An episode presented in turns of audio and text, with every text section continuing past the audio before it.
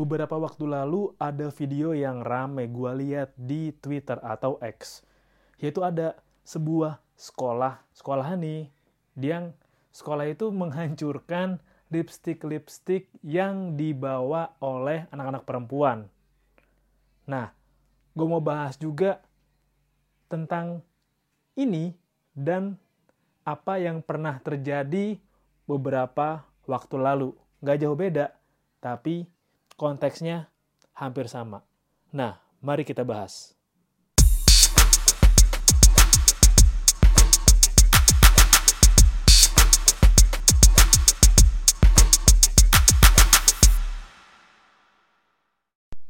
Ini beritanya ada sih ternyata di YouTube-nya TV One News dua hari lalu. Ini gua rekam tanggal 12-12 pas hari belanja online nasional yang ternyata promonya ya biasa aja. Tolong kepada marketplace yang hijau. Gue beli dua barang hari ini. Kenapa cashbacknya cuma seribu seharga top up GoPay? Tolonglah.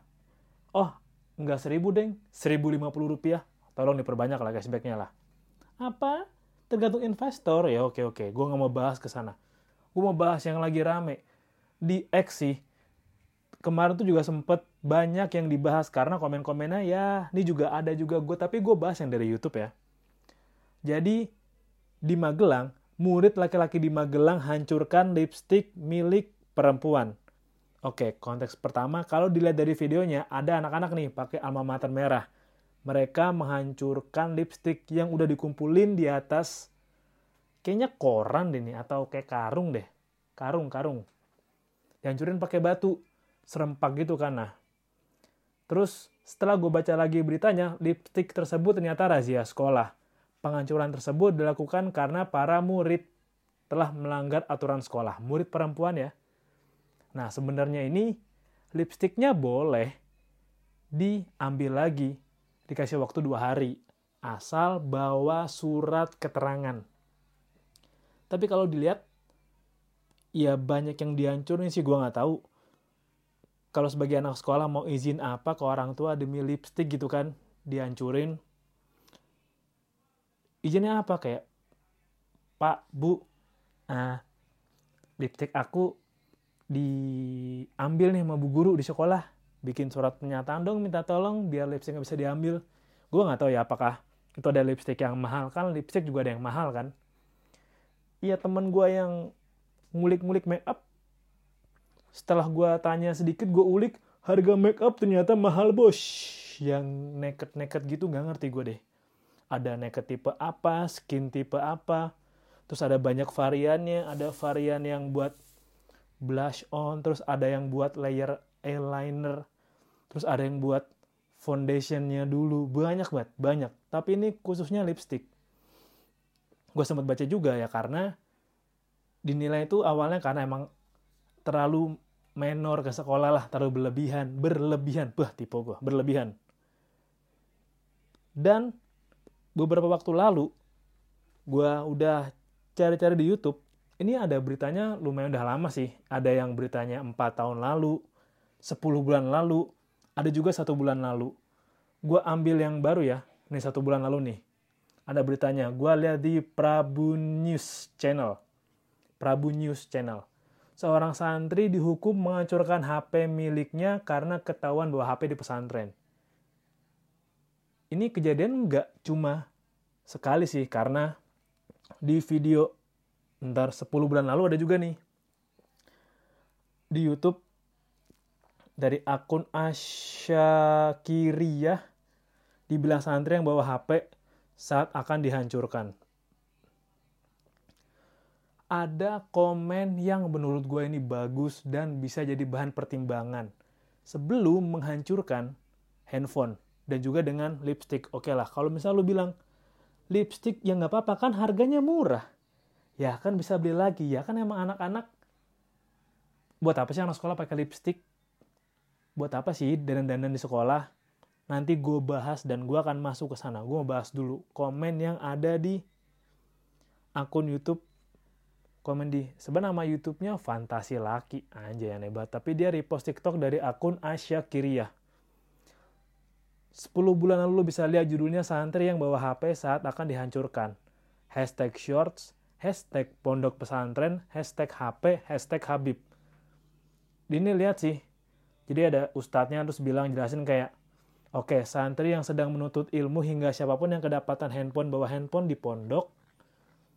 Nah, tanpa terkecuali dia akan dimusnahkan Tuh dilihat tuh diketok santri ngeliatin HP-nya diketok depan mata.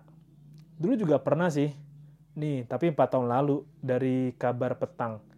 HP santri dihancurkan. Ini TV One News juga 4 tahun lalu. Langgar aturan, ratusan HP santri dihancurkan. Kita baca komennya. Lu tahu ini ada komen yang bagus. Lu bisa lihat komennya. Dan ini salah satu yang akan jadi tema pembahasan gue kita masuk ke pembahasan ke sosial, komentari, terutama lifestyle dan ya ini kebiasaan sih. Komennya gini, kalau boleh saran, ditahan aja atau disimpan aja, jangan dihancurkan begitu saja. Hormati keringat orang tuanya. Nanti kalau orang tuanya jenguk kasih itu HP, jangan kasih ke santri lagi. Bijaklah dalam mengambil keputusan. Sebab saya juga punya anak di pesantren. Sangat nggak setuju kalau itu caranya sakit rasa hati ini sebab itu hasil jerih payah ortu. Poin yang harus lu garis bawahi, poin yang menurut gua harus digaris bawahi adalah hormati keringat orang tuanya. Ya hormatin aja. Terutama soal lipstick. Ini gue sempet nongol di TikTok gue kalau nggak salah deh. Gue baru tahu ya. Ini bener sih masuk akal deh. Coba deh lu perhatiin di kondangan. Perhatiin berapa banyak cowok yang kelihatan ganteng dan rapih di kondangan daripada jumlah cewek-cewek yang cantik yang bisa lo lihat di acara kondangan. Lu bisa lihat, lu bisa lihat di acara kondangan, kondangan kampung, kondangan ya kelas, yang gedung. Karena gue juga terbiasa ikut acara kondangan, gue baru merhatiin ini gue baru ngeh anjir. Ya juga ya. Bener. Jumlah cowok yang kelihatan ger, ya, ganteng rapi keren di kondangan itu jumlahnya jauh dibanding wanita-wanita yang tampil cantik ketika di kondangan. Kenapa komparasinya kondangan? Kondangan adalah salah satu cara untuk wanita mengekspresikan dan menampilkan diri mereka. Secara nggak langsung gitu juga kan ini juga ada pembahasan menarik sih karena kalau dulu tuh, ini gue liat ada cuplikan koran di tahun 70 apa 80 gitu, kayaknya di TikTok deh. Ada yang bilang, produk, apa sih itu kecantikan? Produknya udah lama dan bertahan sampai sekarang. Dia bikin produk khusus untuk perawatan kulit cowok. Jadi ya kalau zaman kayaknya 80-an deh, cowok tuh nggak apa-apa tampil keren, tampil necis. Karena dulu, ya produsen kesehatan ini emang udah nyiapin produk buat cowok-cowok juga. Dan ini mulai masuk akal karena orang-orang yang ya tahun 80-an yang semakin tua semakin keren bisa jadi di usia keemasan mereka di usia 80-70 lah kayak 80-an deh atau 90-an awal itu terbiasa untuk tampil rapih dan well grooming. Memperhatiin penampilannya nah baik lagi kenapa itu disita karena menurut gue yang tadi lo harus perhati juga nih, jadi payah keringet orang tuanya. Dan wanita juga harus belajar tampil cantik. Lo tau nggak, ini gue kan pernah SMP, SMA ya. Gue tahu nih, teman-teman gue yang dulu SMA, kalau dandan, kalau bersolek lah, menor, sekarang tampil lebih baik tampil lebih cantik. Kenapa? Karena sudah mengenal bagaimana dia harus bersolek. Bersolek itu berdandan, berias, bersolek. Ya tahulah kenapa? Karena ya emang harus eksperimen dulu, harus salah dulu. Menurut gue soal untuk lo bisa tampil cantik, ya perlu belajar dulu, perlu mengenal tone kulit lo, lo perlu belajar mengenal make up apa yang cocok sama lu, yang bisa ngeblend sama lu, yang bisa cocok lu pakai misalkan di momen A, B, C, D, E. Kan wanita gitu kan. di momen A pakai makeupnya yang A momen B pakai makeupnya yang B itu mau dimulai dari sekecil hal seperti lipstick yang mau dimulai dari hal kecil dulu nah takaran menor emang masih banyak yang memandang ya ini lu mau di, di sekolah lu mau belajar bukan mau tampil cantik. Tapi ada satu hal yang lupa juga. Daripada lu menyita daripada sekolah menyita lipstick dan akan dihancurkan kasih edukasi aja. Disita dulu kasih edukasi atau edukasi dulu baru boleh disita. Kasih tahu aja oke okay. para wanita kan memang kita tahu bahwa masa puber itu adalah masa lo di mana mengekspresikan diri itu secara psikologis ya emang masa lo mengenal diri, masa lo mengekspresikan diri lo kayak apa. Edukasi dulu aja, bisa dimulai dari edukasi nih. Pembahasan kalau lo mau nyalek, lo mau nyapres, atau lo mau ngaju jadi dewan pendidikan lah, gue kasih lo materi. Gue kasih lo ide dah, gratis dari gue tuh. Edukasi aja. Oke untuk perempuan, kalau mau bersolek berias, oke, jangan menor, karena nanti kelihatannya kalian akan kurang menarik. Belajar untuk mengenal berias dimulai dari ketika kalian di rumah ya, jangan di sekolah. Kalau mau ke sekolah, kalian terapin apa yang udah dipelajarin waktu kalian berias di rumah atau bersolek di rumah. Kedengeran emang aneh, tapi ya masuk akal lah. Karena kan ketika di sekolah kan emang orang akan terbiasa melihat kita kan. Dan kalau wanita juga siapa sih wanita yang nggak pingin dilihat cantik oleh orang lain? Siapa sih wanita-wanita yang nggak pingin, ih gila makeupnya bagus banget ya, ih cantik ya. Siapa yang nggak mau? Nah, dan lu tahu satu hal lagi, ini akan relate ketika, ketika kuliah. Gua nggak tahu sih kalau di SMA kayaknya udah ada deh. Ketika anak-anak di sekolah itu tahu bagaimana caranya bersolek dengan baik, memanfaatkan makeup yang ada, riasan yang ada, yang keangkat juga nama sekolah. Tahu dari mana? Lu pernah lihat nggak? Kalau di kampus ada namanya kayak uh, eh, ITB cantik gitu kalau nggak salah sih. Atau UMY cantik UGM cantik gitu. Di Instagram ada. Di sekolah gue pernah lihat sekali tapi itu untuk Al Azhar deh. Kayak anak-anak Al Azhar yang cakep-cakep gitu. Di pos-pos di show off lah ditunjukkan nih loh. Ya mereka juga udah bersolek. Udah mengenal namanya make up tipis udah mengenal namanya, tahu karakter muka gimana, tahu caranya nerapin pensil alis gimana, blush on yang nggak tebel gimana, tahu cara pakai lip balm pas kapan. Nah itu itu mesti belajar. Edukasinya di situ.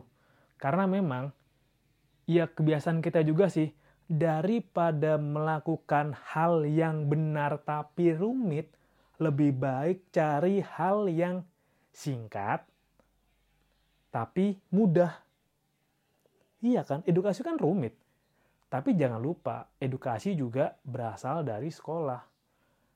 Kalau bisa menerapkan dengan baik, gue optimis kok. Sekolah yang akan dapat benefit baiknya. Pun juga menurut gue, ini menurut gue aja sih, sekolah juga harus ngajarin. Atau ada secara nggak langsung lah, kayak di, lu, lu bisa dimasukin di BK gitu. Zaman gue dulu ada pelajaran namanya BK, Bimbingan Konseling lu bisa masukin kalau untuk perempuan kenapa harus tampil baik dan cantik. Misalkan sekian, cantik dalam batasan norma sopan, norma rapi. Laki-laki juga diajarin caranya bertutur kata, caranya mulai ngobrol dengan wanita, serius. SMP SMA tuh banyak orang yang gak tahu caranya mulai ngobrol dengan wanita kayak gimana. Akan kebawa ke masa setelah sekolah akan kebawa ke setelah masa dewasa. Ada kan? Akan kebawa terus. Diajarin bagaimana kalau lu sesimpel di sekolah diajarin aja. Lu mesti pela pelajarin nih, perhatiin. Kalau mau potong rambut, perhatiin bentuk muka lu kayak apa. Muka oval kah? Muka diamond kah? Atau muka yang kayak adudu kah? Atau muka kayak jarjit lah. Bentuk mukanya. Cari tahu dulu. Sesuaiin rambut lu kenalin fashion pakaian lu mau kayak apa. Ada kan? Pilihan fashion, jadi ada fashion yang emang dia gayanya kayak casual atau yang gayanya kayak kaos oblong gede, celana ngato atau emang gayanya yang skin apa slim fit slim fit macam-macam itu ada beberapa tipe gaya. Ajarin mengenal pattern warna.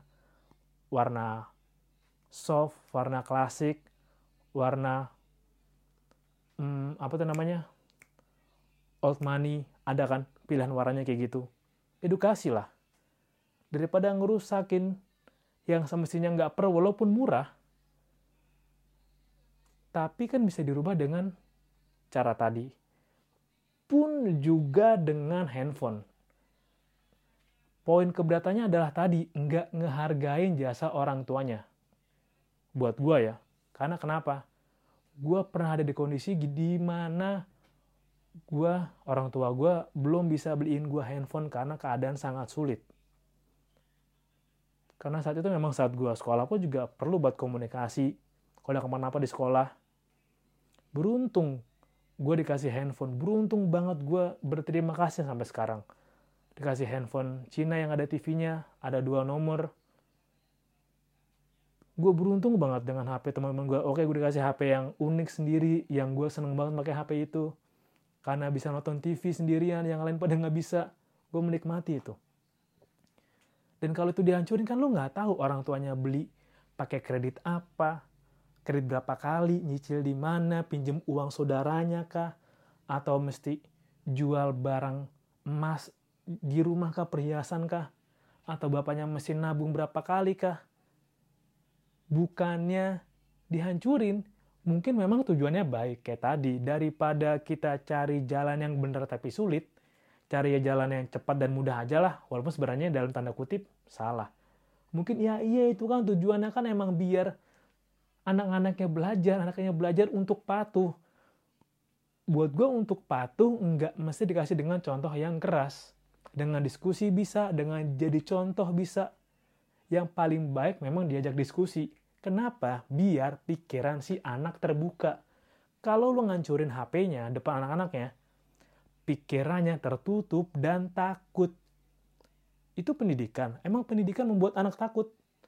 salah satu concern gue juga kan ya pengennya gue punya pendidikan yang baik minimal adalah anak-anak di sekolah tuh belajar mempunyai pikiran terbuka dan pertanyaan terbuka dan wawasan yang terbuka kalau misalkan deh misalkan ada HP yang dicatat nih oh siapa barang siapa yang bawa HP ketahuan dihancurin dak dak dak anak itu akan takut apalagi anak-anak SMP SMA takut karena emang di fase psikologis mereka ya kayak gitu mereka takut patuh terhadap yang lebih otoriter.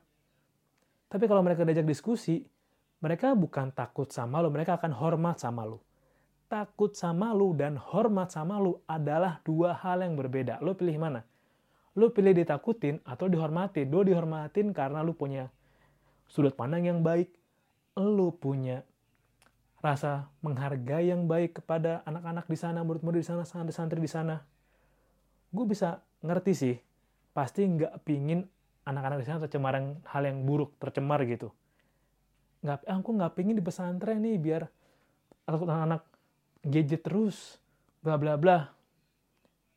Bisa didiskusikan, diajak ngobrol anaknya, sepakat dengan orang tua, screen time anak-anak maksimal berapa megang HP sejam, rewardnya habis ngapain? Baru boleh megang HP dan dibalikin lagi. Misalkan ada yang harus apal ayat ini sekian baru megang HP lah atau setoran ayat setoran ngaji apa lah atau mesti beres-beres dulu dikasih megang HP lah diawasin lah dibatasin lah kayak penggunaannya YouTube buat keluarga lah. Atau dibatasin paket datanya sebulan cuma berapa MB lah. Banyak cara pasti dibanding ngerusak HP karena ya tadi ke sana emang nggak menghargai keringet orang tuanya. Yang dihancurin nggak ngerasain perjuangan orang tuanya buat dapetin atau biar bisa beli tuh HP kan. Karena ya ya nggak itu karena kewajiban di sini udah peraturan di sini. Ya peraturan peraturan oke okay lah. Take it or leave it kan ya udah pilihannya dikembalikan ke anak-anak dan orang tuanya. Lo mau nggak dididik di tempat yang kayak gitu? Resikonya demikian. Cari yang berpikiran terbuka karena ketika anak-anak ditempatkan di tempat pendidikan yang mengajarkan anaknya berpikiran terbuka dan berwawasan senang mencari wawasan baru, itu akan ngebantu anak itu untuk tumbuh lebih jauh dari teman-temannya, bahkan tumbuh lebih jauh dari anak-anak seusianya. Ini gue pernah baca di mana deh, bahwa salah satu pendidikan adalah membuat anak-anak memiliki pikiran yang terbuka. Terbuka untuk eksplorasi, terbuka untuk mencari pengetahuan baru, dan membandingkan-membandingkan dengan apa yang sudah ada dulu dan sekarang. Pasti akan ada orang yang gak setuju sama gue. Ya nggak apa-apa juga lah. Gak mesti setuju kok, karena memang setuju nggak setuju wajar. Kalau mau diskusi ya silahkan. Asal diskusi dengan logis, dengan tenang, nggak nada tinggi. Karena gini, gue nggak sih, dalam psikologis, kalau lu diskusi sama orang lain dan orang lain itu sudah nada tinggi duluan, ada dua tanda yang bisa lu perhatiin. Pertama, dia nggak yakin, nggak pede dengan dirinya, pendapatnya, opininya, tapi dia meyakinkan dengan berusaha mendominasi. Dan yang kedua, ya gue udah kalah nih, gue berusaha tampil aja deh. Gue berusaha kelihatan superior aja deh. Karena kalau orang tahu apa yang dibicarakan, bisa menyampaikan apa yang dimaksudkan, ya pede-pede aja sama jawabannya. Mau nada pelan, nada sedang juga sama aja. Tapi kalau nada tinggi, ya lu bisa pertanyakan deh argumennya apa apalagi ah udahlah gitu aja udah gitu aja gitu. Kayak ada orang yang alah udah dengerin aja alah udah begini aja. Ya bisa jadi lu bisa pertanyakan kenapa hanya sebatas gitu aja? Kenapa nggak bisa menjelaskan lebih rinci gitu dan lebih logis lah? Karena yang paling menyenangkan dari diskusi adalah bisa mengadu seberapa jauh penalaran logis yang bisa lo raih atau lo bisa sampai ke mana dengan logis lo. Itu yang menarik sih dan kalau lo dengerin ini, kalau lo orang tua, oke, okay. kalau lo orang tua, oke, okay, ya pikirkan baik, pikirkan baik-baik ketika anak-anak lo minta beliin HP atau hal-hal yang sekiranya akan membuat barang itu bisa diambil oleh sekolah. Buat lu yang tenaga pendidik dengerin ini, ini bisa jadi saran sih. Ya ketika memang ada hal baru terkait dengan teknologi yang belum bisa kita ikuti, sementara anak-anak sekolah, anak-anak generasi di bawah kita yang sudah cepat banget adaptasinya, emang perlu cara khusus untuk kita bisa ngibangin dengan cepatnya perubahan. Dan tentu jangan matikan imajinasi, jangan matikan pikiran mereka. Dan buat lo yang masih sekolah dengerin ini, buat lo yang masih ya, gimana sekolahku udah kayak gitu bang? Ya, lo bisa diskusi dengan orang tua lo. Diskusiin dengan teman sebaya lo lah, teman nongkrong lo lah, ini kalau kira kayak gini nih bener nggak sih? Lu bisa pertanyakan kebijakan-kebijakan. Nah, dengan lu terbiasa mempertanyakan apa yang ada di sekitar lu, pelan-pelan lu akan belajar untuk menerima hal-hal yang, oh ternyata ini begini, oh ternyata ini begitu. Lama-lama akan mencapai penalaran yang induktif penalaran dari khusus spesifik sampai ke umum sehingga ya harapannya lu bisa punya penalaran yang luas yang besar tapi punya kekhususan masing-masing di tiap apa yang lu pikirin. Itu sih mau gue share di episode kali ini. Terima kasih udah dengerin dan sampai jumpa di episode berikutnya. Bye-bye.